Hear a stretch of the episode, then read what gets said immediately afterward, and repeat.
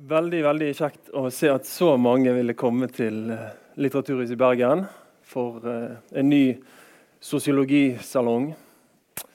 Uh, sosiologisalongen er et sånt diskusjonsforum som uh, samarbeid mellom Litteraturhuset og Bergen og Sosiologisk institutt ved Universitetet i Bergen. Og her er liksom Dette er stedet for det du kan kalle samfunnsforskning til fredagspilsen. Jeg ser at noen har tatt dette alvorlig. Um, og i dag er det tydeligvis et veldig fengende tema. Gener og samfunn. Det er ikke hver dag at uh, tre sosiologer sitter sammen på scenen og skal diskutere uh, hva våre biologiske, og genetiske forutsetninger har å si for uh, hvor vi havner hen i samfunnet. Hvordan det går med oss i livene våre. Det er det ofte andre som diskuterer. Um, og det har jo å gjøre med at uh, akkurat det å se på, på dette med våre biologiske genetiske forutsetninger, hva det har å si, det har en veldig vond og, og, vanskelig arv. Som dere sikkert kjenner til, veldig mange av dere. Så det er mange som skygger banen. Men uh, det er en rivende utvikling på dette feltet. her. Så nå fant vi ut at vi er nødt til å sette oss ned og, og diskutere litt hva, hva, som er skjedd de, de siste tiårene. Og, og kanskje vi må, kan, kan, komme oss litt videre fra denne her, uh, gamle fødsånd eller blitt sånn veldig sånn dikotome eller todelte diskusjonsmønsteret. Og så begynne å virkelig studere dette samspillet. Um, for det er jo bare å si at det, det er begge deler. Sant? Det er både medfødt og uh, lært. Altså det, er på en måte, det er veldig kjedelig og veldig vagt. Man må være mer presis når man skal tilnærme seg dette vitenskapelig. Så det skal vi snakke om. Men jeg tenkte jeg kunne si et par ord først om liksom, hvor, uh, hvorfor uh, samfunnsforskere har skygget litt av banen her. Og det har jo å gjøre med den at at uh, det er en vond og vanskelig arv, for, for, å si det på den måten. Og Det begynte jo på andre halvdel av 1800-tallet med, med, for så vidt Darwin sin, eh, sin epokegjørende bok sant, om naturlig seleksjon i 1859. Og, og Darwin han var ikke noe han hadde ikke egentlig så veldig problematiske eller sånn, tvilsomme forhold til disse tingene her. Men de som tok opp hans arbeid og laget en slags vitenskapelig sosial bevegelse, det er sosialdarwinismen, der begynte det å komme inn mye holdninger som vi i dag vil ta sterk avstand fra. Sant? At noen mennesker var høyere utviklet enn andre. ikke sant? Og uh, særlig så, så ble uh, uh, sånn eugenikk sant? Au, det betyr gode gener. Sånn, man begynte å snakke om at man skulle selektere ut folk med negative gener av befolkningen. Rasehygiene eh, ble veldig stort eh, forskningsfelt i Tyskland. Og eh, etter hvert utviklet også IQ-tester seg, og det spilte også inn i dette. her. her. Eh, de første store IQ-testene på befolkningsnivå ble gjort i 1916 av rekrutter til første verdenskrig. Og eh, og så ble de gjort av folk som ankom USA, migranter. Eh, i, i, utover 20-tallet. Og Det blir jo da brukt til å begrense adgang til USA for folk som kom fra Øst-Europa og Asia osv. Så, videre. så faktisk eh, mange ble sendt i retur og fikk egentlig grusomme skjebner der etter hvert.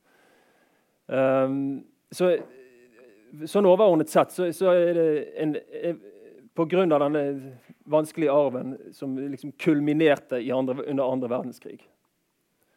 Eh, kan, så, så, eh, så, har det vært eh, mange som er opptatt av at når man ser på dette samspillet, så er det liksom Det dreier seg om å liksom rettferdiggjøre eksisterende maktforhold. Så det de brukte til da, det kan du si, det var å liksom rettferdiggjøre at, at uh, kvinner var uh, underordnet mannen, og at uh, urbefolkning og mindreverdige raser, som de da kalte det, det var, liksom, det var en grunn til at eh, de sto der de sto i samfunnshierarkiet. Det var liksom biologisk fundert. Så Veldig vanskelig arv. og Det samme gjelder for så vidt tvillingstudier som ble stort fra, fra 70-tallet og fremover, det begynte jo faktisk eh, sånn, som et empirisk forskningsfelt, kan du si, med en sånn naziforskning. Under når uh, jøder ankom uh, Auschwitz, så, så sto uh, doktor Mengele der og sa 'Tvillinge heraus'. For de skulle han forske på. Så dette, altså sånn, Samfunnsforskere har skygget veldig banen, og ikke bare de, men veldig mange, i tiårene etter andre verdenskrig. Med å fokusere på dette med de biologiske forutsetningene for hvor folk havner hen i samfunnet. Så begynte det etter hvert fra 70-tallet og fremover særlig å komme tvillingstudier. Hvor man kunne studere eneggede tvillinger som var bortadoptert. og også man kunne studere forskjell på eneggede og toeggede tvillinger. Og, så videre, og finne ut hvor mye betyr gener gjennom, gjennom den innfallsvinkelen. Og så uh, i, uh, Et annet sånt vondt punkt i denne historien er en bok som kom ut i 1994, som heter 'The Bell Curve' av Hernstein og Murray. som kom ut i 94, og den, den handlet om at liksom, Eh, det var med utgangspunkt i IQ-forskning. At kvinner og svarte videre hadde lavere IQ. Sant? Så igjen, mange sa jo her, nå kommer det igjen. Eh, nå skal denne her, liksom, hard science brukes til å begrunne hvorfor noen grupper er underordnet. Så det er lang og vanskelig historie. Og så, uh, siden eh, Crick og Wilson eh, oppdaget DNA-molekylet sin struktur, eller hva det var, i, i 1953 så har jo også selve genforskningen utviklet seg veldig empirisk. Og det ble veldig lenge mye sånn leiting etter gener for det ene og det andre det tredje. Sant? Gener for kriminalitet, gener for å være homofil osv. Men det har man gått ganske sånn vekk fra de siste to tiårene. Nå er det noe helt nytt eh, på gang. Og det er sånn forskning på ikke på enkeltdeler av eh, DNA-molekylene, men liksom på hele sekvenser av genomet. Nå er jeg ikke noen sånn teknisk ekspert på dette, her, men det er dette som er, som er liksom det nye som har skjedd de siste 15 årene. Og Da er det da mange samfunnsforskere som har meldt seg på igjen eh, det, og, og, begynner å, å bruke disse så, såkalte polygenetiske skårer til å, å, forske på forskjellige ting. Så det skal vi komme inn på nå. Men nå må jeg få lov til å, å introdusere våre to eh, gjester her. Og eh, Vi kan jo begynne med Torkil Lyngstad, som er mm, professor ved Institutt for sosiologi og samfunnsgeografi ved Universitetet i Oslo. Og han er, er, en av de, eh, eller den, vil jeg nesten si, norske sosiologen som, som har gått mest inn i dette de, de, siste årene. Og han har nå fått en enorm sum av penger fra EU veldig prestisjefylt forskningsprogram finansiert av EU til å forske akkurat på dette med samspillet mellom gener og hvordan det går med folk i livet. Og eh, Det som er nytt med, med den, den ny, tradisjonen som, som, han tilhører, det er at han vil bruke dette til å forstå samfunnsforhold. Ikke til å forstå liksom, som, eh, hvorfor noen individer er mindreverdige osv. Så, så det er way tilbakelagt. Men nå er det til å forstå samfunnsforhold. Så hvordan kan du liksom bruke eh, informasjon om eh, gener indirekte og direkte til å, å, si noe om samfunnsforhold? Jo, si det, Kristoffer. Um, en tilnærming som jeg har i det nye prosjektet mitt, nevnte, det, er å, for eksempel, det er å se på klassiske sosial, sosiologiske problemstillinger. Sosiologer er opptatt av mange forskjellige ting. En ting de er opptatt av, er betydningen av sin sosiale bakgrunn. Hva, hva, har foreldrene dine sine kjennetegn og si for det, hva som skjer med deg i livet. Hvordan går det på skolen, hvilken familieform eh, mm. familie etablerer du selv osv. Og det er etablert enorm litteratur i sosiologi om hvorfor vi ligner på foreldrene våre. Og på, den litteraturen sier at vi ligner på foreldrene våre fordi vi driver med modellæring. Vi ser på de, gjør som de. Vi har lært noen for eksempel, Vi blir skilt fordi foreldrene våre blir skilt. fordi vi har lært at vi, vi klarer ikke å løse konflikter mm. på, på en annen måte enn å stikke ut døra. Eh, vi får gode karakterer, for vi har lært av foreldrene våre at vi må lese og være flink på skolen og gjøre lekser osv. Og, masse sånne sosiale mekanismer. Og de kan være viktige. Men problemet er at denne litteraturen i all hovedsak har ignorert at vi også ligner på foreldrene våre på en annen måte, nemlig at vi deler 50% av deres gener. Eh, så En av de delene av det nye prosjektet mitt er å se på overføring fra foreldre til barn og prøve å ta hensyn til denne eh, felles genetikken. Det har mange gjort i mange år. Eh, tvillingforskerne har drevet med det. Noen sosiologer har drevet med det også. Ikke så mye enda med molekylærgenetiske data. Vi skal mm. prøve å bruke molekylærgenetiske data. Og i Norge har vi gode data om dette. En kombinasjon ja, I mor- og barneundersøkelsen og Hunt. Uh, den store mor-, far- og barneundersøkelsen, som det heter, som er en, en, kvart million nordmenn er med på, og Folkeregisteret og andre registerdata. Mm. Disse kan kobles sammen, og da kan vi se på hvordan går det med Moba-barna, mm. som var i, mødrene deres ble plukka opp på, på um, helsestasjoner når de var i uke 15. Og så har de blitt fulgt fram til i dag. Og da vi, har vi ikke bare genene til barna, vi har genene til mor og til far. Mm. Og det er en helt unik ressurs i internasjonal sammenheng. Mm. Så øh, vi, det er eh, enorm sånn internasjonal oppmerksomhet om disse dataene. Og det, Noe av det første vi kommer til å se på, er liksom hvordan går det på skolen med disse barna. De er ikke gamle, så gamle ennå, så vi kan ikke følge dem så langt i livet, men skoleresultatet kan vi se på. Men uh, du er jo uh, allerede godt i gang med, med, å jobbe ut ting fra dette prosjektet. Og da, da F.eks. den analysen hvor du bruker tvillingregisteret, som du nå jobber med.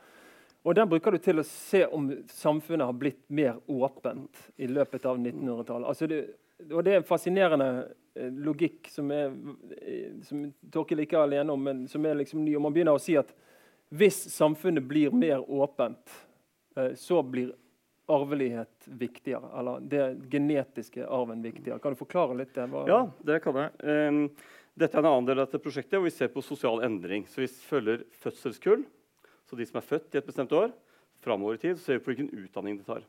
Og vi har uh, ganske mange tvillinger fra norske tvillingregistre som vi har også har målt utdanningen til i norske registerdata. Da kan vi se på hvert fødselskull kan vi gjøre en analyse for hvert tvillingpar. Så jeg trenger ikke gå inn på de statistisk-tekniske ja, ja, ja, sidene ved dette her, tror jeg, men, men uh, vi får da et mål på uh, det uh, tvillingstudiet. de deler som variasjonen i et eller annet. Din høyde, høyde, menneskers høyde. Et eller annet. F.eks. også hvor mange år du har gått på skolen. Så det er variasjon i dette, og den kan vi dele inn i tre bokser. Genetikk, familiemiljø og annet miljø. Og Utdanning har jeg studert tidligere, og funnet at utdanning er av, en av de faktorene som faktisk har ganske stort innslag av familiemiljø relativt til mange andre utfall. Flest, eh, de fleste atferdsgenetiske studier finner ikke så mye betydning av familien. Nei, det det finnes som regel at genene betyr mer. Ja. Ja, det er en av grunnene tror jeg, at sosiologer tradisjonelt sett har vært litt kritiske. Det stemmer ikke helt med deres gut feelings om hvordan verden henger sammen. Men på utdanning så er det ikke så stor diskrepans med hva vi, hva, våre forforståelser. Men jeg gjør altså dette for mange fødselskull, og, og vi kan se, da, observere at arvbarheten, som vi kaller det, så den andelen av variasjon i utdanning som vi kan tilskrive genetikk, den øker for fødselskullene født før og litt etter andre verdenskrig. Så, og hva skjedde da i Norge? Dette er altså de, de som eh, i perioden etter, de, Vi måler utdanning når de er 30 år. Så dette er perioden fra sånn, uh, under andre verdenskrig til, til uh, 1980 ca. Mm. Og hva skjedde da? Jo, det er en enorm ekspansjon i utdanningssystemet. Og Lånekassen, Lånekassen ble etablert i 1948, utvidet senere. Mange andre eh, ordninger, ble, sosiale institusjoner ble modifisert eller utvida slik at det ble lettere å ta utdanning. Mm. Det er overgangen til et masseutdanningssamfunn, nærmest. Mm. Da øker den arvbarheten. Dette er ingen ny tanke. Det er publisert en mm. artikkel om dette allerede i 1985. Men vi forfølger denne tanken enda lenger og ser på utviklingen også etter denne perioden. Mm. Eh, ja, og hoved, ja. Hovedtolkningen av dette, eh, denne økende arvbarheten er at eh, den, For å forstå den så må vi tenke oss at vi har 100 variasjon. Variasjonen i utdanningsnivået er 100% Den tilskrives, kan tilskrives tre ting. En av disse er genetikk, en annen er familiemiljø, og en tredje er ikke del, udelt miljø, andre miljøfaktorer. Så når vi tar, tar bort én kilde til variasjon når vi innfører Lånekassen, etablerer nye utdanningsinstitusjoner, så er det noen begrensninger i folks liv for å ta utdanning som blir borte. Dis, den, disse begrensningene skapte variasjon i utdanning mellom folk. Mm. Noen hadde kort vei til nærmeste høyskole, universitet. Andre hadde lang vei. Noen hadde familie med ressurser, andre hadde ikke familie med ressurser. Mm. Betydningen av disse ble minska av, å, av å, eh, politiske tiltak. Mm. Og da synker familiemiljøvariasjon. Og det ser vi for menn er tilfellet. Mm. Historien for kvinner som jeg har vært inne på før i dag, er litt, enda litt mer komplisert. Mm. Jeg vet ikke om du vil skal gå inn på den også? Jeg kan hende det er noen kvinner i Ja, salen ja, som er, er litt interessert. Mm, men, eh, Mm. men uh, ja. Men uh, vi kan jo for så vidt uh, få med vår tredje paneldeltaker her i dag. Anja Ariansen. Hun er postdok eh, ved Sosiologisk institutt. så Hun er kollega med, og hun har et postdok-prosjekt som, som handler om akkurat eh, disse tingene her. Og, og, eh, og du har jo, holder jo bl.a. på med en analyse av liksom, hvordan disse tingene bl blir eh, diskutert blant uh, sosiologer. Så, og der har du så, så vidt jeg forstår, så, så ser du liksom et sånt mønster. Det er noen som er veldig åpen for å liksom ta inn sånne biologiske faktorer, genetiske faktorer i praksis. Sånn som f.eks. Uh, Torkel her. Sant? Så har du noen som er veldig kritiske, som, som går på bakbeina og sier at dette her har vi hatt sett før. Takk skal du ha. Eh, vi vet hva det førte til. Ja. Eh, men så har du også en sånn stor stille majoritet sånn i din analyse. Hva, er liksom, hva, hva kjennetegner de? Liksom? Hvorfor er det, hvem er det som er stille, og hvorfor er de stille? Liksom? Ja, Det er jo noe av det som er litt utfordrende med å, eh, med å eh, analysere debatten i sosiologien. så å si. Det er at veldig mange som har et synspunkt på, på dette med å trekke inn gener, eller de, de, de ytrer ikke det nødvendigvis veldig eksplisitt. De, de ytrer seg ved å trekke seg ut. Eh, og det som er litt vanskelig med det, er jo at de som trekker seg ut, eh, og de som bare på en måte ikke bryr seg noe særlig, og de som på en måte verken for eller mot, på en måte, de som, de som ikke sier noe, de er en veldig sammensatt gruppe. De er en gruppe så det er vanskelig å på en måte si at sånn er de. For det, de, de er veldig sammensatte. Men det er helt klart at det at det du kan si er at historisk sett etter disse her eh, forferdelige episodene eh, helt i starten med genetikken og, med sosialdarwinismen og andre verdenskrig det, det som vi ser, det er at eh, når biologi har blitt trukket inn i, i sosiologidisiplinen, og det har på en måte fått noen uheldige utfall, for å si det sånn, så er på en måte det som følger i etterkant av det, er at veldig mange sosiologer trekker seg vekk fra det feltet. Og så legger de veldig trykk på at vi, vi studerer sosiale faktorer, og det er det vi er opptatt av. Eh, sånn at, og, og i det så er det jo på en måte et veldig, det er et veldig eh, viktig budskap.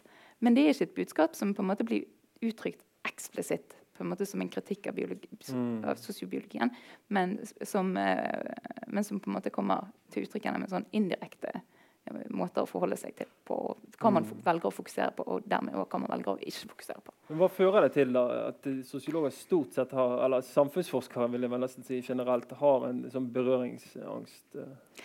Det som gjør det vanskelig, er jo at vi har på en måte to ulike etiske hensyn som står mot hverandre. Sant? For det, de, som de som har berøringsangst, det de er redd for, er jo på en måte at, at det å drive og trekke inn genetikken eller biologien på en eller annen måte skal få uheldige sosiale utfall. Man er på en måte bekymret for de sosiale konsekvensene av det å trekke inn biologi i samfunnsvitenskap. Eh, mens den andre, den andre delen da, av den debatten, de som argumenterer for å trekke inn biologi, de sier jo at ok, det er greit at det har vært uh, altså Når du hadde helt andre styreformer og helt annet mål med samfunnsforskningen, så er det jo klart at man fikk uheldige utfall. Men, det, men den historiske konteksten har endret seg. Sant? Sånn at når vi nå ønsker å trekke inn biologiske faktorer, så er det for at vi ønsker å forstå, eh, vi ønsker å forstå de eh, ulikhetene som vi har i samfunnet vårt, på en god måte. Eh, og da gjør vi en tabbe hvis vi, hvis vi overser de biologiske faktorene. Hvis vi sier at okay, det, har, det som har noe å si for hvilken utdanning du får, det er utelukkende hva du er opplært til hjemme. Så det er jo klart at du vil gi helt andre råd. Enn, En, en så da vil, du, på en måte, da vil du si sånn, ja, men da må vi sette inn masse tiltak da, på sånn sosiale utjevningstiltak. Men hvis det ikke er den sosiale læringen som er problemet, da har du på en måte satt inn en haug med tiltak som ikke har noen effekt. Ja, det er det. Det er et komplisert spørsmål. Det er et komplisert spørsmål. Men poenget er at det, å, det er ikke sånn at det å på en måte aldri på en måte nærme seg biologiske spørsmål, eh, at det alltid fører med seg gode ting. Det, det tar med seg en del problemer, det òg. Ja, så du kan jo tenke deg at eh, en, eh, en del av de spørsmålene som jeg berører i mitt prosjekt, det er klassiske, klassisk sosiologi. Og så kan du velge Så sosiologisk som regel, så tradisjonelt sett, når jeg forska før, så har jeg tenkt ok, vi har mennesker, og med mindre jeg har eh, så har du klassifisert de noen, etter noen variable. De er kvinner og menn, de er så, født sånn og så slik, de har sånn sånn utdanning, de er den, den familietypen osv. Men de er jo forskjellige innafor de boksene også. Individuelle forskjeller har sosiologien som regel alltid glemt. Det er fordi de det er et gruppefag. De er opptatt av sant, Utgangspunktet er eh, klasser og, og, og etniske grupper. og Det er, det er orientert mot gruppeforskjeller. Mens variasjonen innad i grupper er minst like stor, kanskje enda større. Eh, og det, der er det noe vi har å lære av psykologifaget, som har vært ekstremt opptatt av disse individuelle forskjellene. Men som selvfølgelig ikke har, har store blindflekker mot sosiale strukturer og livsløp og masse andre ting som sosiologer kan mye om. Det er det. Så det, Et sånt poeng som du, du har kommet med i disse debattene, er jo at eh, altså denne forskningen altså Forskning på liksom de, samspillet mellom sosiale strukturer og, og gener eh, eller, det, det vil bli utført. Mm. Altså- det spørsmålet er hvem skal gjøre det. Ja. Så det er folk som har greie på sosiologi, eller folk som ikke har greie på sosiologi. Det er spørsmålet. Det er det. Jeg tror det er bedre at sosiologer driver med sosiologiske spørsmål genetikk, enn at uh, genetikere statistikere gjør det. Ja. Ikke at det er dumt å ha med dem, det er fint, men Mm. vi bør også være med. Ja. Og det som, vi ser, som er på en måte resultatet av det, er at når du ser de områdene der du, du ikke har sosiologer, typisk, det som er problemet da, er at man på en måte man får en, en mangelfull forståelse av den sosiale konteksten. Og for eksempel da, at hvis, man sier at ok, 40 av liksom, eh, at genetikk forklarer 40% av utdanningen din, for eksempel, så, så høres det veldig sånn statisk ut. Og det blir ofte brukt som en sånn ja, men da er det ikke noe vi kan gjøre med det. liksom. Mens det du viser i din studie, er jo nettopp at hvor mye genetikken har å si, det varierer veldig over tid. Og det er helt avhengig av hvilke samfunnsinstitusjoner som på en måte var på de forskjellige tidspunktene. Så Sånn da er det noe som vi har en innflytelse over. Sant? Hvor mye skal genetikken ha å si for, for hvilken utdanning du tar i samfunnet vårt i dag? Det er noe vi har direkte innflytelse over. Vi, det er vi som manipulerer det sosiale miljøet. på en måte. Mm. Så sånn sett så er det på en måte, Og, og det, det, det mister du hvis sosiologer bare rygger. For, det er, for eh, psykologer og medisinere de har ikke noen de har, veldig, de, de har litt overforenklede ideer om hva et samfunn er, og hvordan det utvikler seg over tid. Og det er der vi må på en måte komme inn og si det, dette har også noe å si. Det, det, og på denne måten har det noe å si. Det er fascinerende å se nå det som skjer de siste 15 åra med fremveksten av molekylærgenetiske studier. Ikke bare tvillingsstudier, men de hvor du faktisk måler folks DNA og, og bruker lager sånne polygenske scorer osv. Så, videre. så er det jo et, det er et stort felt. Og det kommer folk fra, veldig mye fra medisin, selvfølgelig, men også, også andre fag. Men det er også ganske mange sosiologer etter hvert. Mm. Det er drivende krefter, blant, og de berører noen av de viktigste spørsmålene der. No, et viktig spørsmål er, er eh, hva kan man egentlig bruke disse skårede til? Kan man bruke de, Er det fritt fram? Da bør man tenke på at de er fremkommet som studier av data fra mange forskjellige kontekster Mm. og mange forskjellige fødselskull av personer med ulike Mm. erfaringer og muligheter i livet. Mm. Eh, de, det, det er eh, spørsmål som sosiologer kan informere mye bedre Mm. enn enn, eh, de, eh, de andre i feltet. Så vi har noe å tilby, Mm. men da må vi være villige til å tilby det. Ja. Eh, jeg tror ikke det er sånn at disse spørsmålene vil bli, bli uberørt, for det er viktige spørsmål. Alle er opptatt av dem.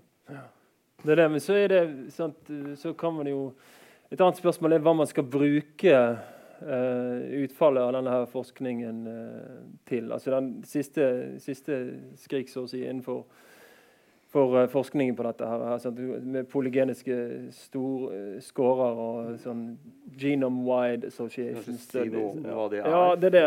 Jeg lurer på om du skal si Ja. Det er vanskelig. Bare hold deg fast nå. Nå skal han forklare.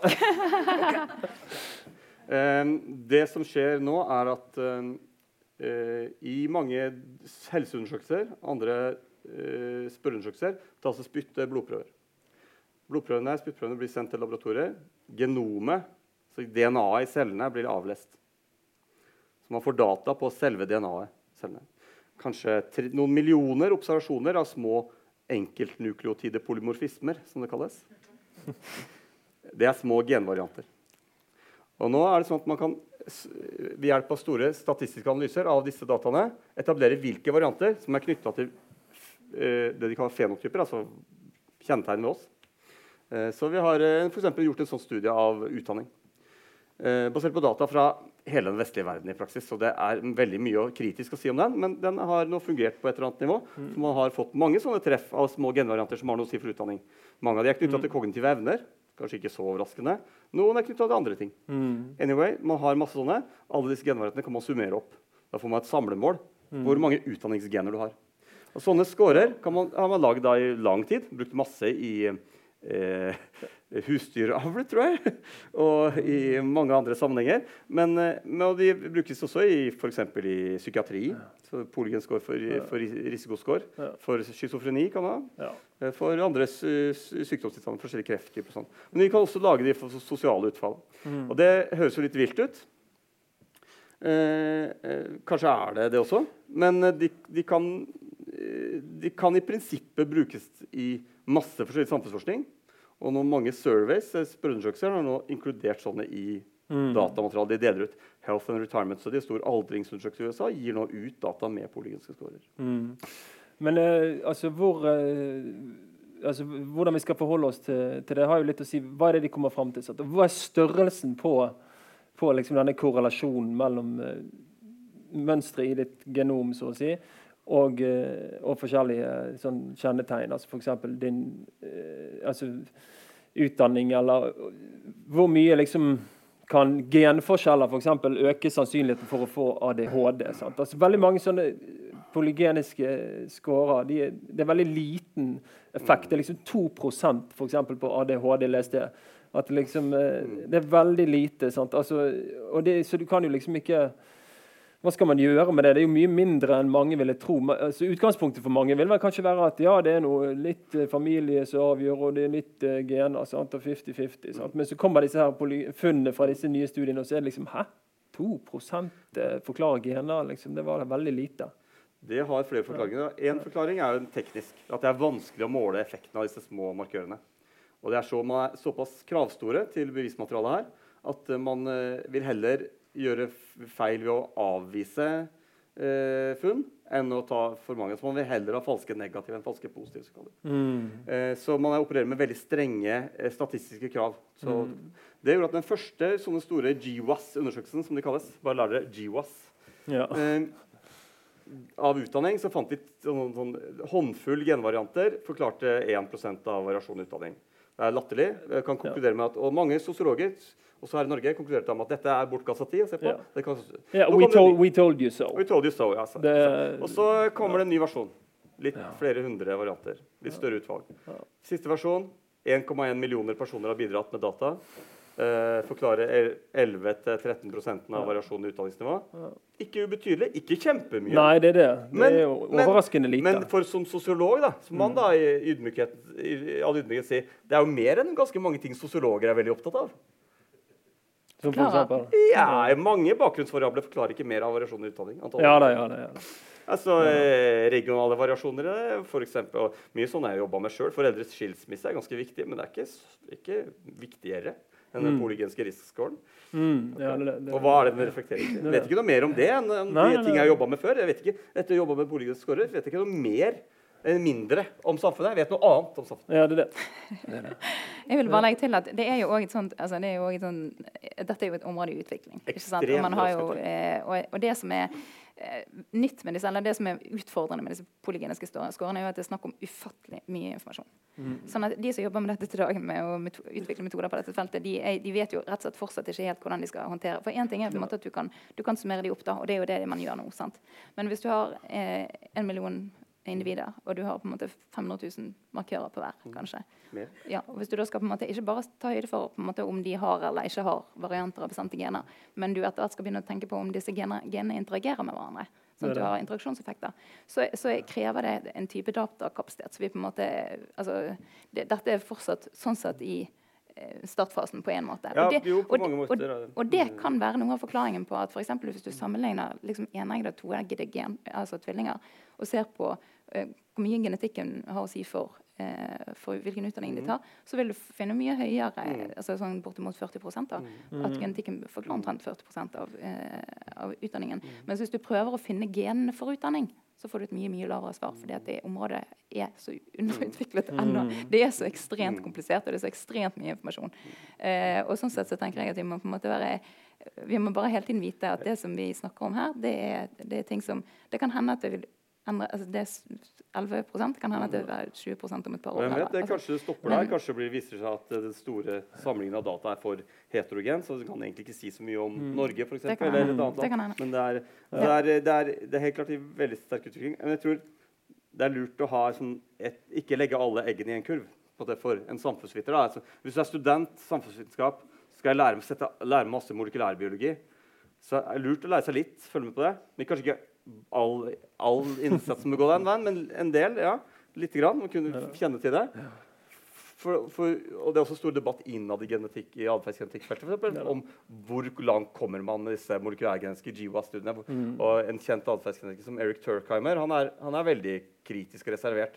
Mens eh, en annen kjendis, Robert Plommin, som var med på denne Hjernevask-serien for mange år siden, som noen har hørt om sikkert, mm. han er superentusiastisk ja. og tenker at dette kan revolusjonere verden. og det bare det det. Uh, all det polygens skal predikere om du skal gå i god dårlig skole, om du skal få en eh, jobb som krever mye eller lite, og, ja. mange andre ekle ting. Og dette er jo sant, et felt så det er veldig viktig å holde tungen beint i munnen når det gjelder liksom for, forskjell på korrelasjon og kausalitet. For det som de finner, er jo sant, korrelasjon mellom liksom eh, gener og utfall. ikke? Det, men de, de, finner, de, de, slår ikke fast at det, liksom, det, er den variasjonen i genene som forårsaker forskjell i utfall. Nei, så en ting er at det er vanskelig å, noen tilfeller så kan det være vanskelig å si kan, La oss si at du finner at, et, noen genvarianter for, for eh, uh, en eller annen form for suksess. Da. Og så viser det seg at de som har, de, som har de genvariantene, har eh, hatt et eller annet fortrinn. Et bedre eksempel kanskje er eh, det fantes en, eh, en, en, en eh, sånn kandidatgenvariant som predikerte voldelig atferd. Mm. Og så ble det sånn, å, her er funnet voldsgenet. Så er det noen som sjekker hvem har voldsgenet. Jo, det er mange afroamerikanere som har voldsgenet. Mm. Da, det, da, da, går alarmen av. ikke sant? Mm. Her, her, har vi da høyreekstreme typer sier her er uh, forklaringen. Vi må alle være rasister. Disse er voldelige folk. Ja. Mens uh, da påpeker uh, genetikerne, og sosiologene for så vidt, at dette er, skyldes sånn, forskjeller i populasjonene, men hvilke markører som har effekter på hva. Så du kan ikke bruke denne, denne, denne hele hypotesen faller sammen. nærmere undersøkelser, Og egentlig er dette voldsgenet bare et uttrykk for at afroamerikanere lever i mer depriverte nabolag, har mer eh, sosiale problemer pga. Mm. 500 år med etnisk stratifikasjon av samfunnet. Mm. Og slavehandel. Det er det som er det ja, det, Så det, kan være vanskelig å nøste ja. kausalitet og korrelasjon helt fra hverandre her. Så man bør være, ha, være forsiktig med tolkningen av alle sånne resultater. Og Der bringer du jo opp noe som er veldig betent, og eh, som, som ligger dypt eh, i, i arven, liksom den faghistoriske arven her. Uh, nettopp det med rase. Sant? Men, hva, hva liksom, uh, hva hva, hvordan er det med den, de siste 15 årenes utvikling innenfor genforskning og rase? Jeg si jeg er ingen ekspert på dette. Uh, jeg sier sånn ancestry herkomstspørsmål. Men mitt inntrykk er at resultatene fra GWAS og molekylærgenetikken viser at rasebegrepet sånn som vi kjenner det fra historien, faller fullstendig sammen. Mm. Det, er, det, er, ikke en sånn nær knytt, kobling mellom fenotypen, hvor mye melanin du har i mm. huden, måte, og, og, og, og, genetikken på den måten som raseteorier har. Mm. Så på en måte er det et frigjørende. For den frakobler oss mm. fra dette, og det kan avvises som pseudovitenskapelig vrøvl. Altså. Du, nå vil jeg bare si at uh, hvis dere rekker hånden i været her etter ganske snart, så er det veldig åpent for uh, kommentarer og spørsmål uh, fra salen her ganske snart. Så hendene i været uh, Bare kjør på med det. Men én ting som jeg tenkte på, det er dette med ja, Hva skal vi med denne kunnskapen? Og der går jo faktisk Noe av debatten har jo gått på, på om dette har noen verdi f.eks. For, for pedagogikk i måten vi utformer skolen eh, på. Sant? Eh, og da er det jo En som er veldig på, på det, det er jo han Robert Plommen. Eh, så Han liksom mener jo å si at liksom, vi, vi, burde teste genene til, til, elevene og så se hva de på en måte er predisponert for. Men han vil jo og, og det, han vil, vil, det, jo, det, han sier med det, er jo at vi må ha individuell tilrettelegging. Men altså da vil jo andre si at uh, det er jo allerede nedfelt i lovverket at vi skal ha. Uh, det er bare det at man gjør den individuelle tilretteleggingen basert på sånn, kjønnsmessige vurderinger. Så det at man skal få inn liksom, uh, gener i den vurderingen som er veldig små effekter. Sant? For eksempel, ja, du har en 2 for høy sjanse for å få ADHD. Sant? Altså, hva skal man gjøre med det som lærer? Eh, så, så, det er kjempe, et eksempel på liksom, hva skal man egentlig bruke dette her til eh, når man forstår mer om dette samspillet. Det er sikkert dere. Ja, du Anja, har du det er egentlig, Jeg kan spille ballen litt opp igjen til Torkel. Altså, jeg synes jo denne, Vi tok jo dette, Du gjennomgikk jo funnene for menn. Mm. Men jeg syns at funnene for kvinner også er veldig interessante. Og jeg tenker at De har jo nettopp sosialpolitiske implikasjoner. Så kanskje du si litt om hvordan det går? Ja, det er to, to ting, hvordan dette har utviklet seg og tid for kvinner? Det er to flere ting, da, for så vidt. Uh, en er som bruk av polygense scorer i, i, uh, i uh, skolesystemet og andre sosiale institusjoner. Ja. Det er vel allerede i bruk i eh, noen grad i eh, diagnostisering i medisin. Såkalt personalized medicine er på full fart inn. Mm. Eh, og et, som alle nye ting så er det vel en hype, sikkert. Det er det. Det er noe hype, men det er noe Jeg er ingen ekspert, men ja, ja. det, for eksempel denne polygenskolen for utdanning kan du tenke at det er for, for, for lærevansker eller andre ting kan du tenke at du kunne i prinsippet kan du gjennomføre det. Alle barna får, blir screenet, tatt blodprøver av. og så blir vi eh, sekvensert genomet, så predikerer får de en ny score. Er du over et visst nivå, så blir du sendt på en ekstra tur til helsestasjoner. til et eller annet sånt. Det er jo mulig å gjøre. Mm. Um, det, vi driver jo litt sånn allerede i dag, bare at det er basert på symptomer. Mm. Eh, spørsmålet er om, sånn, om, gentesting ville gi oss flere, færre falske negative. Så er det noen som ikke faller utenfor. Og trade-offen med at vi får noen falske positive. Noen som får eh, mistanke om, eh, om uh, diagnoser, muligheten for diagnoser de ellers aldri ville tenkt på og levd et helt utmerket liv uten. Mm. Og den avveiningen er, det er en slags, det er en sånn klassisk avveining i, mm. i testspørsmål. Der må samfunnet tenke seg om hva, hva, de er villige til å akseptere. Det er ikke noe åpenbar, det er ikke gitt at dette vil hjelpe oss veldig mye. Det er heller ikke gitt at det ikke kan hjelpe oss i noen sammenhenger. Så det er veldig avhengig av hvilket felt du jobber på, og hvilket, uh, hvilket uh, bevismateriale du har. Og bevismaterialet er jo ganske tynt på mange ting. Det er nettopp det. Men altså, en ting er jo liksom intervensjoner på individnivå. Det er jo ikke det som er mest aktuelt for samfunnsforskere. Så det, hovedanliggende vårt er jo å forstå samfunnet og samfunnsutviklingen. Ja. ja. jeg bare tenkte på, Tilbake til dette med de her utdanningen og kvinnene. For det er der jeg mener at jeg kommer inn. Altså, jeg tenker at når, eh, når, når vi ser at eh, for altså, Historisk over tid så har jeg på en måte den sammensetningen, altså hva som er på en måte genetisk, og hva som er på en måte miljøet i familien, og hva som er på en måte sam, altså, samfunnet ellers da, sin betydning for om kvinner får utdanning, den har endret seg. ikke sant? Mm -hmm. eh, og når man da ser at f.eks. den eh, altså vi ønsker jo ikke at, Når vi ser at, at samfunnet ellers får, større betydning, på en måte, da, det er jo det, mm. så er det jo på en måte det man ser at okay, vi, ønsker jo at vi ønsker ikke at det skal være veldig avhengig av hvilken familie man kommer fra, om kvinner får utdanning eller ikke. Mm. Og, og, jeg tror at For å ha en ryddig diskusjon om disse tingene her, så må vi på en måte skille mellom disse effektene. For det at Hvis du begynner å snakke om det, at ja, men hvilke kvinner er det som får utdanning da, og du ikke på en måte har skilt ut på en måte, du har ikke klart å skille mellom genetikken og den familien som den kvinnen kommer fra, så blir det, veldig, det blir et veldig samrør av effekter. Så jeg tenker at når du skal si at ok, i Norge så har vi hatt en reell kvinnefrigjøring, i den forstand at kvinner har tatt mer og mer utdanning på en måte ikke veldig avhengig av hvilket hvilke utgangspunkt de hadde, på en måte, så, så, må man på en måte kunne kontrollere for disse tingene. Og da, trenger du disse studiene inn, tror jeg, for å, mm. for å kunne diskutere den, den, reelle effekten av politikken. For å kunne skille det fra de andre tingene. Mm. Det er en forskjell på tilnærminger. Du snakker om noe mer sånn, sto, sånn stort ja, ja, sånn historisk stort. perspektiv. Ja, ja, også de som er mer sånn hvor det er i, i skoleverket i dag. Også.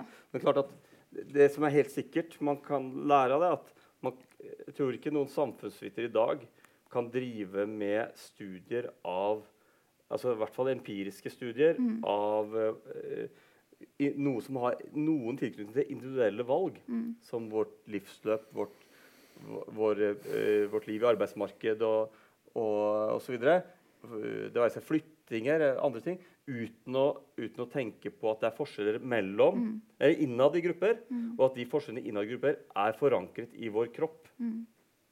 mm. Som er genetikk vår. Mm. Og det, det, er som, det, er et eller annet som har skjedd her. Jeg tror kanskje det skjedde på 70-tallet. At sosiologifaget stengte døra til psykologien. Mm. Jeg tror det egentlig er positivismestriden som har skylda for dette.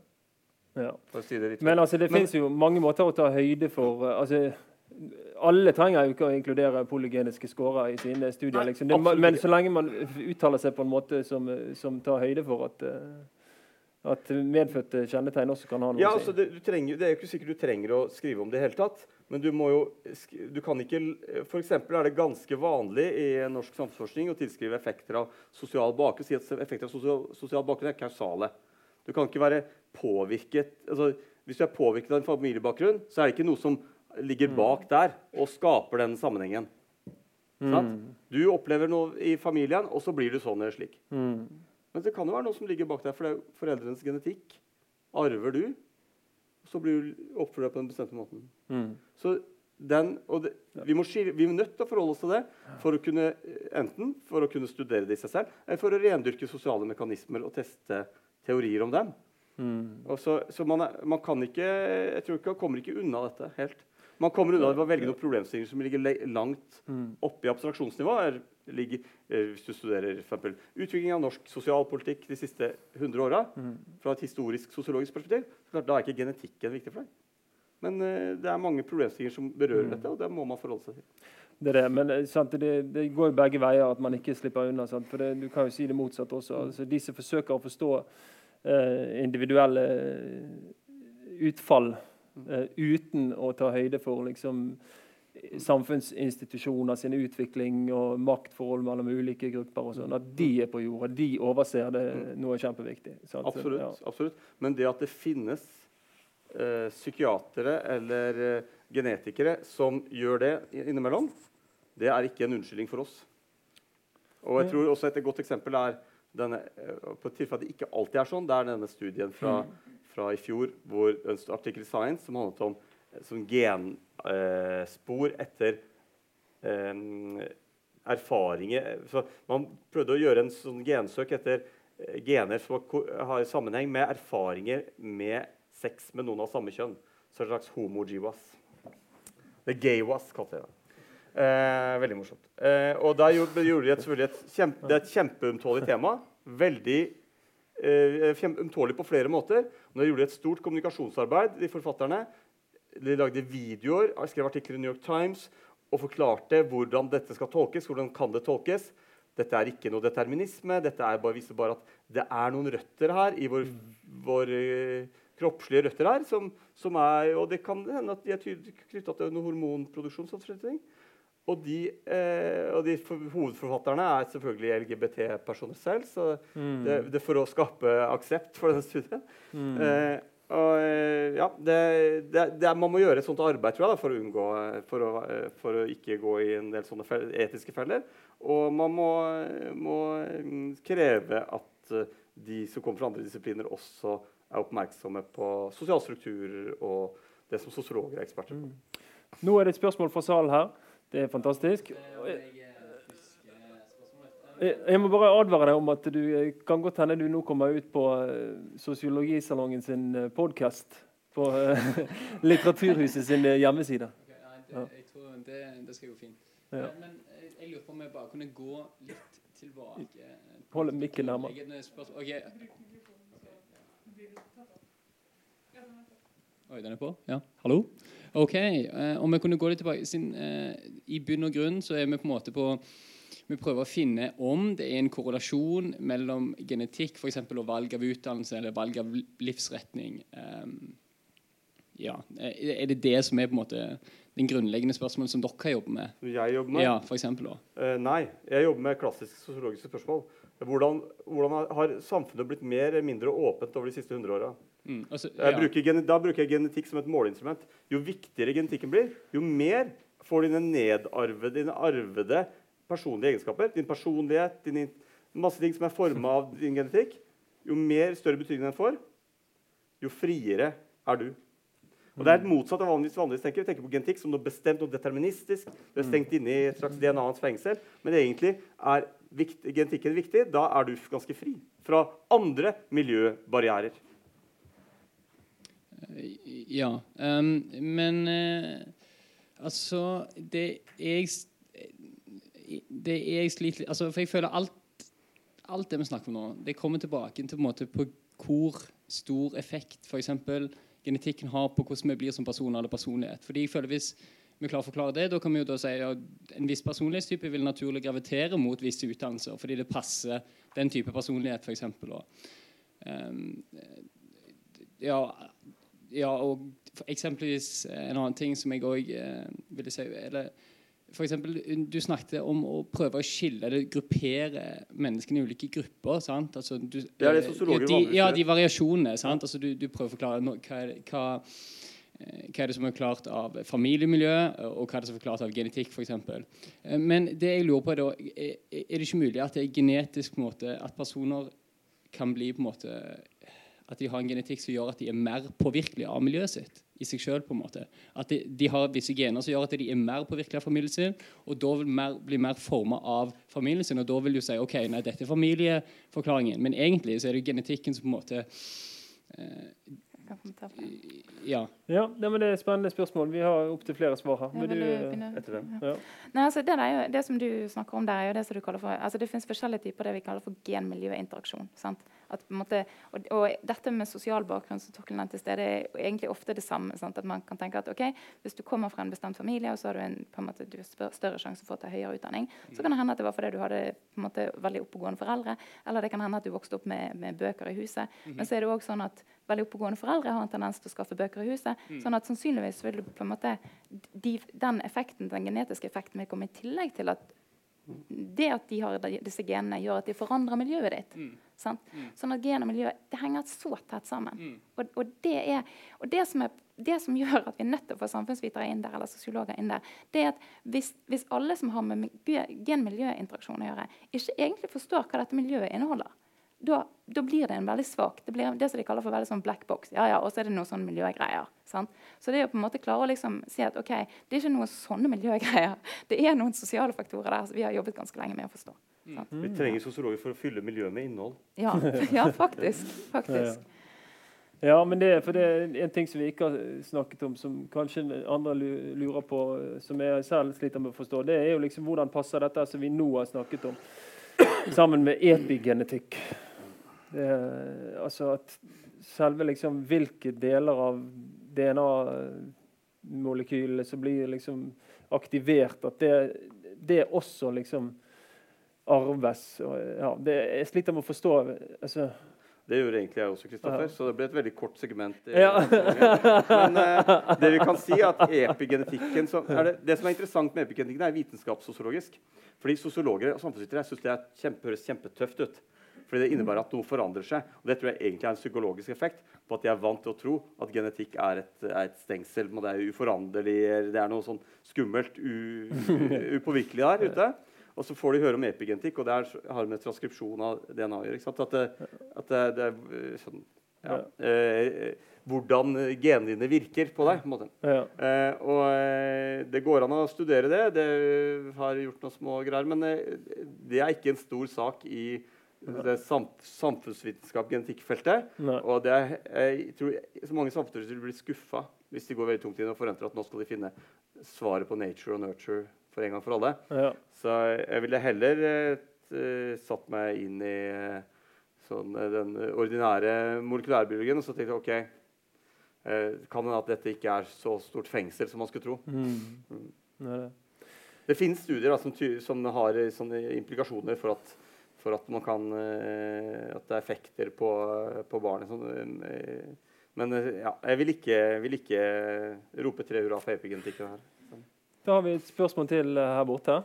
Eller en kommentar, kanskje? Ja, eller jeg bare Ja, den er på. Jeg bare tenker litt hva ni tenker kring at ok, man prater ikke så mye om Eller man prater ikke om rase, kanskje, i den offentliga diskursen. Men alltså, nu är det ju mer att man pratar om etnicitet och ja, mm, liksom kategoriserar lite efter ja, ja, den gör, de gör så för de är den kulturell, alltså mera. Mm. Vad tänker ni kring dem? Eller har ni några kommentarer kring det? Ja, hvordan håndterer man det hvis man skal se på liksom, samspillet mellom eh, gener og og utfallet i samfunnet? Liksom, altså, en, et, et, problem er som måleproblem. Altså at, det er, at du kan, ha, du kan feiltolke kulturelle forskjeller som genetiske forskjeller. Et klassisk eksempel på det er um, spisepinnegenet. For hvis du fantes et hvis du, sant, hvis du har folk av asiatisk opphav og europeisk opphav, så er de genetisk forskjellige. Du kan ikke bruke den samme måle, kjøre den samme statistiske prosedyren på dem. Da vil du finne at det er gener for å spise, spise, spise med spise pinner. ikke sant? Ja. Hvis du da kjører en sånn GWAS på spisepinner, så å, her er det mange som har gener for spisepinner. Ja, de tenderer å bo i Asia, riktignok, men det, ja. det, det, er derfor dette er genetisk. at de spiser med spisepinner. Det er selvfølgelig ikke det. Det har med, det har med mm, måleproblemer i genetikken uh, utover det, det er interessant med rase. Så, så, jeg tror at I møte med dagens molekylærbiologi så faller rasebegrepet litt sammen. Men forskjellige sånne genetiske herkomstgrupper spiller en stor rolle i det molekylærgenetiske eh, mm. statistiske apparatet. og man må være forsiktig med å ta hensyn til at de er forskjellige fra andre. For eksempel, så er Den polygenske skåren for høyde den predikerer at afroamerikanere er seks eh, tommer kortere enn de faktisk er. Det er fordi at mm. Måleinstrumentet passer ikke på dem. Det er litt forskjellige genetiske markører som gir forskjellige utslag i forskjellige befolkningsgrupper. Mm. Men hele det rasebegrepet som sånn, sånn som vi kjenner det fra historien, det faller også sammen. Eh, det som Vi diskuterer lite rase i norsk samfunnsforskning, men men det gjør jo det i USA. Der er det en veldig stor, stor mm. debatt. Og veldig, det har jo med varven fra The Bell Curve osv. Mm.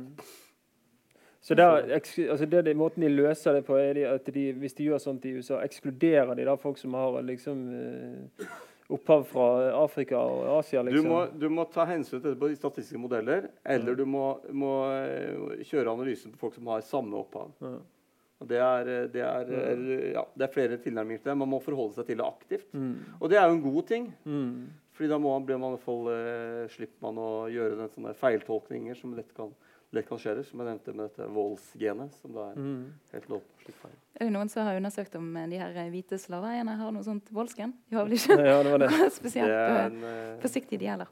Men, uh, men uh, det jeg bare tenkte å skyte inn da, Dette er jo ikke egentlig epigenetikk eller etniske forskjeller. Men, men, men, hvis man snakker om biologi mer generelt, så er jo en ting som har vært diskutert mye, det er jo kjønnsforskjeller. Altså hvor mye har eh, hormoner å si for kjønnsforskjeller. Mm. Eh, og det er òg eh, vanskeligere enn man skulle tro. fordi at hvis man eh, spør folk si, Hvis du får en undersøkelse som sånn, Først så spør de hvilket kjønn du er, og så spør de hvor empatisk er du? Så har kvinner liksom, og menn da, en idé om at kvinner er mer empatiske. Så kvinner har, Først så krysser jeg av i kvinner, og så skriver jeg ja, jeg er veldig empatisk. Eh, og da får du veldig store forskjeller hvis du har, måte, hvis du har sånne selvrapporterte mål på eh, sånne, eh, på, på sånne mål som man antar at kvinner og menn er forskjellige på. Men hvis man på en måte går litt nærmere inn og begynner å se på de studiene der man ikke måler så mye hva folk sier om seg sjøl, men på en måte i hvilken grad de for evner å lese av ansiktsuttrykk eller sånne ting. altså ting som er litt mer, eh, Om de evner å se ta, ta, noen sitt perspektiv eller lese av en situasjon riktig, f.eks., så, så vil du se at, eh, at, at kjønnsforskjellen er mindre. Sånn at eh, det, det, er ikke noen tvil altså, Jeg tror at hormoner har noe å si, men jeg tror at, eh, at vi, vi, kanskje tror at det er mer å si enn det har. Eller hvis hvis du bare spør folk, så, så, vil de legge til en del ting som er, som er en sånn slags selvrapporteringssvakhet. Som, eh, som, man må på en måte være bevisst på. Og det, og det samme gjelder hvis du, hvis du, eh, hvis du, gjør en test på folk, en en mattetest eller et eller annet, der på en måte man har en sånn stereotypi forventning om at mennene vil gjøre det best, Og hvis du enten ikke kommenterer det, eller kommenterer at her tenderer menn mot å gjøre det best, så gjør, så gjør de det best.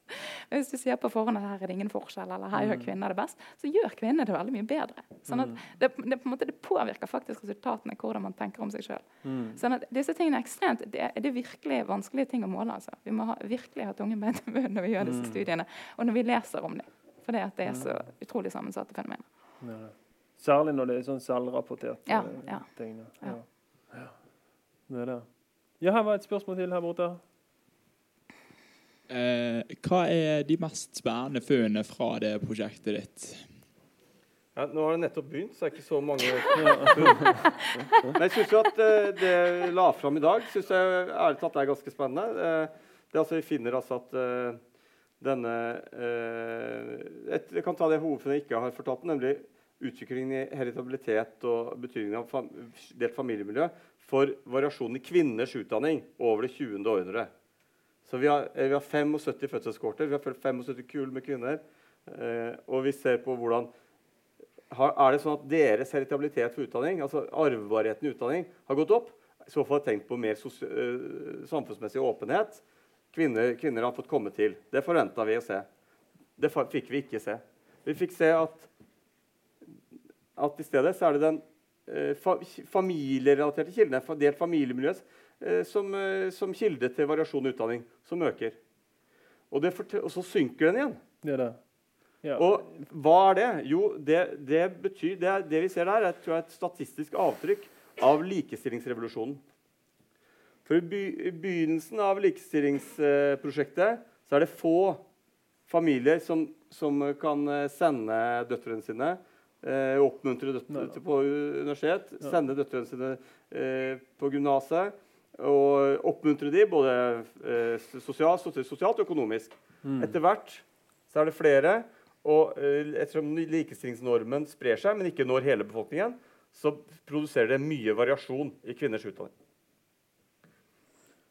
Nå har den sunket igjen til mye lavere nivå. Og Det tror jeg er et resultat av at likestillingsnormene har spredd seg gjennom hele befolkningen. Og Vi er nå ganske enige i Norge om at kvinner bør få kunne velge utdanning og yrkeskarriere på like linje med menn. Det er ikke lenger bare noen som syns det. Det er ikke bare noen som syns det. Alle syns det, så å si. Og, men hvis du går tilbake til 1960, så var det noen som mente at det ikke var tilfellet. Og det ser vi avtrykket her. Altså, dette er et paper vi jobber med nå, så det er litt uklart hvor det går hen. Vi har jo håp om at det skal bli, få litt oppmerksomhet når vi kommer ut. Så det er foreløpig det mest spennende. Så jobber jeg også med Uh, også med diverse uh, studier av ut, sånn skolekarakterer og uh, prøveresultater og sånn, hvor vi skal se på the nature of nurture. Som heter. Så, så det viste et artikkel i Science fra et år tilbake som viste at det er ikke bare genene du arver fra foreldrene som spiller en rolle, men det er også foreldrenes gener som du ikke har arvet. Det som kalles untransmitted alleles. Altså de, de bitene av genomet du ikke fikk med. Hva, men hva er nå det? For sosiologer er jo dette veldig gledelige nyheter, for det er din sosiale bakgrunn. Det er sant, det miljøet som er skapt av foreldrenes gener, uavhengig av hvem du er. hvordan du er skrudd sammen. Så det er, det er en kobling mellom den klassiske sos- sånn lagdelingssosiologien, som sier at du formes av miljøet rundt deg, og genetikken. Og For å kunne studere det videre, f.eks. se på variasjoner mellom søsken, blir du flinkere på skolen av en kjempesmart lillebror eller storebror eller lillesøster eller storesøster.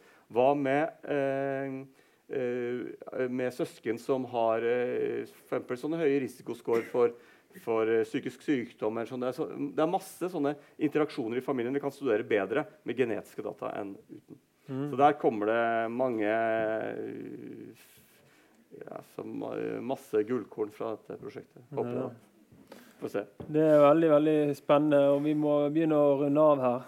Men eh, det er i alle fall helt tydelig at vi må eh, henge med i tiden. Vi kan ikke bare, eh, bare avvise, avvise og, og ligge unna alt som har med, med gener å gjøre. For her, eh, her er det stort potensial til å forstå samfunnet bedre også. Og det er jo det som er vår, eh, vårt hovedanliggende. Vet ikke om dere vil si noen avsluttende ord? Jeg vet ikke noe om Jeg syns det var en fin Det var en god avslutning. Støtter deg. Støtter deg alt. Ja, da må alle sammen ha tusen takk for at dere kom på Sosiologisalongen. Mitt navn er Kristoffer Kjelsson Vogt, og her var altså Torkil Lyngstad og Anja Ariansen. Takk for i dag. Takk for det.